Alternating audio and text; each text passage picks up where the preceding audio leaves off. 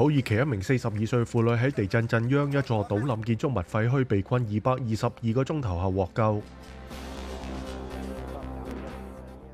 红十字国际委员会主席艾格尔会见咗叙利亚总统阿萨德，讨论地震灾区嘅援助准入问题。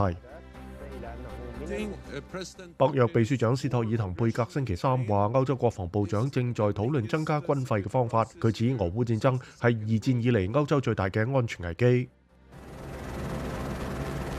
据新西兰北岛上空拍摄嘅航拍画面，显示咗飓风加布里埃尔喺过去两日造成嘅破坏。